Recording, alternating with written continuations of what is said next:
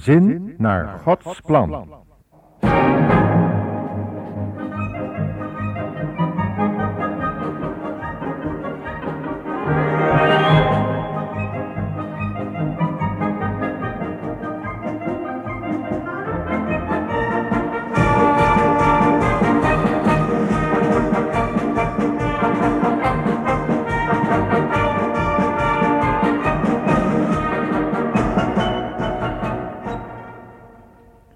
Welkom luisteraar in ons programma Gezin naar Gods plan, waarin we weer samen nadenken over enkele woorden uit de Bijbel die alles te maken hebben met onze toekomst.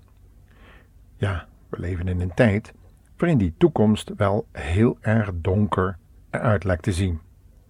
Op politiek niveau, op economisch niveau, op allerlei niveaus in de gehele wereld lijkt de toekomst er donker uit te zien. Niet alleen wij zeggen dat, maar overal hoor je dat weer klinken. Maar wat heeft nou dit programma met onze toekomst te maken, zou u kunnen zeggen? Wel nu, we zijn op het ogenblik bezig met na te denken over de nieuwe toekomst. Een toekomst die vast ligt in het werk van de Heer Jezus Christus. Alweer zo'n godsdienstig programma, zou u misschien zeggen. Wat heeft de Heer Jezus nu met mijn toekomst te maken? Ja, eigenlijk had u dan ook naar de vorige programma's moeten luisteren, die over deze zender reeds enkele malen uw oor hadden kunnen bereiken. Maar nu u toch aan het luisteren bent, wil ik u wel een beetje vertellen waar we het de vorige keer over gehad hebben. De vorige keer hebben we met elkaar nagedacht over wat is nou eigenlijk nieuw leven krijgen. Totaal nieuw leven. Wat is het om wedergeboren te worden? En uh, hoe kan dat eigenlijk?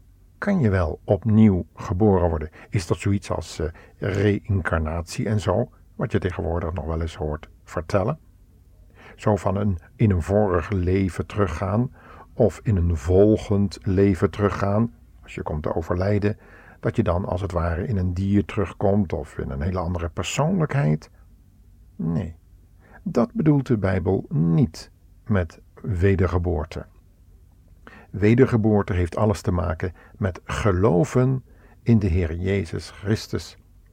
En we hebben daar gezegd dat wij in Johannes 1, vers 12, dat is het evangelie van de apostel Johannes, wat in de Bijbel staat beschreven, dat dat hem, dat is de Heer Jezus, aannemen dat dat alles te maken heeft met gelovig aannemen wat de Heer Jezus heeft gezegd in de Bijbel. Daarvoor moet je dus een Bijbel hebben en die gaan lezen. Wil je weten wat nieuw leven is, wat het krijgen van een nieuwe toekomst, een heel nieuw begin, dan zul je de Bijbel moeten opendoen en dan zul je moeten beginnen met te lezen wat er staat. En nu zijn we toegekomen aan wat we er in ons vorige programma al beloofd hebben. Dat is dat we in Hem, dat is de Heer Jezus, zullen moeten geloven.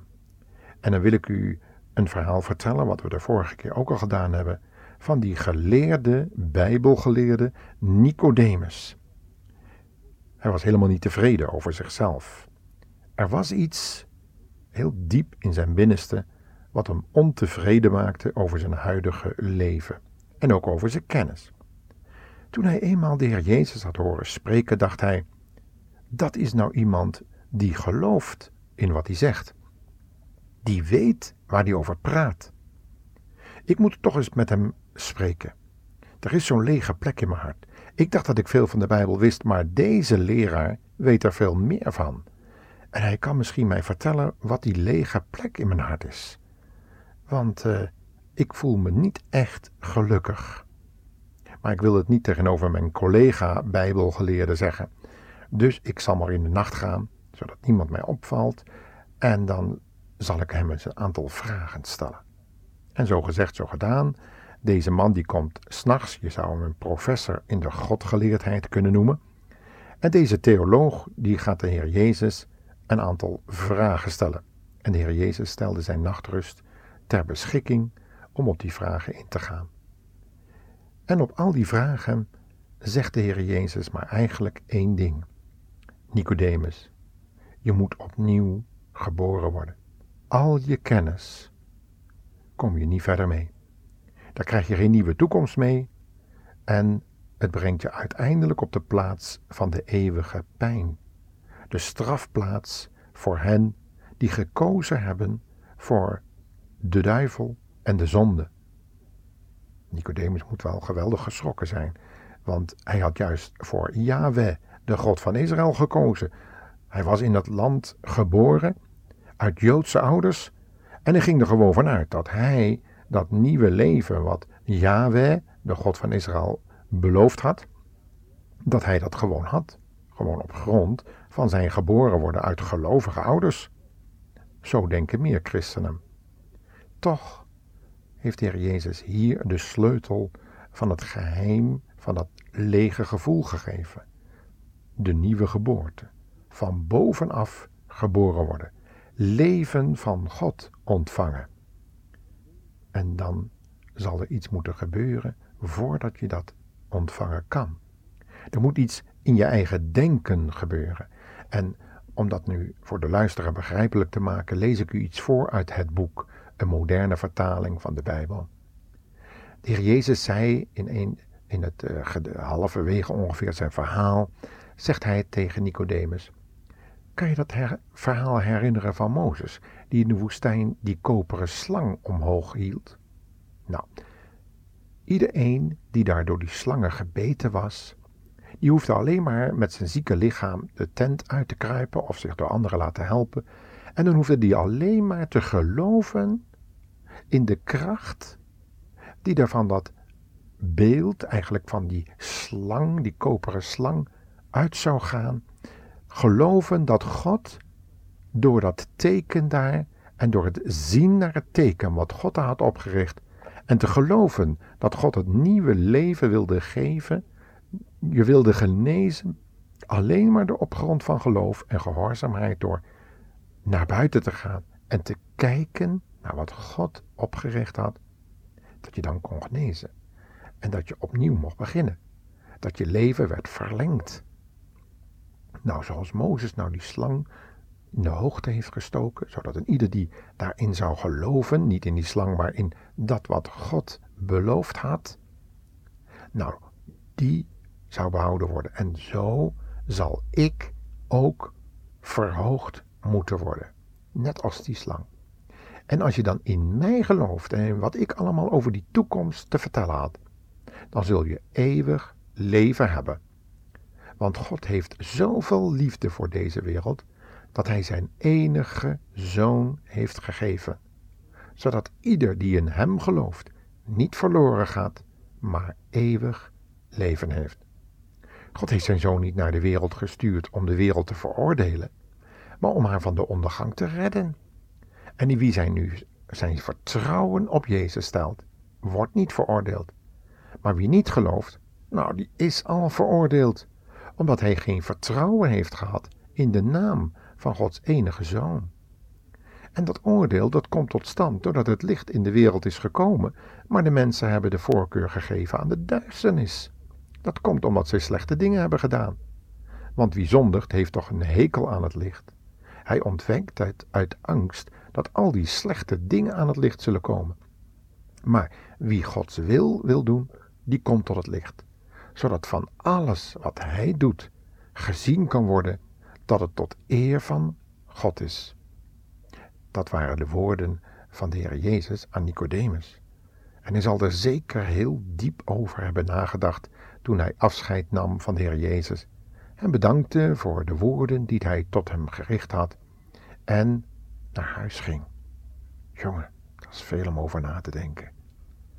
Een oordeel voor hem, hij die geboren is uit een gelovig geslacht, hij die de Bijbel zo op, helemaal op een prikje kent, uit zijn hoofd bijna.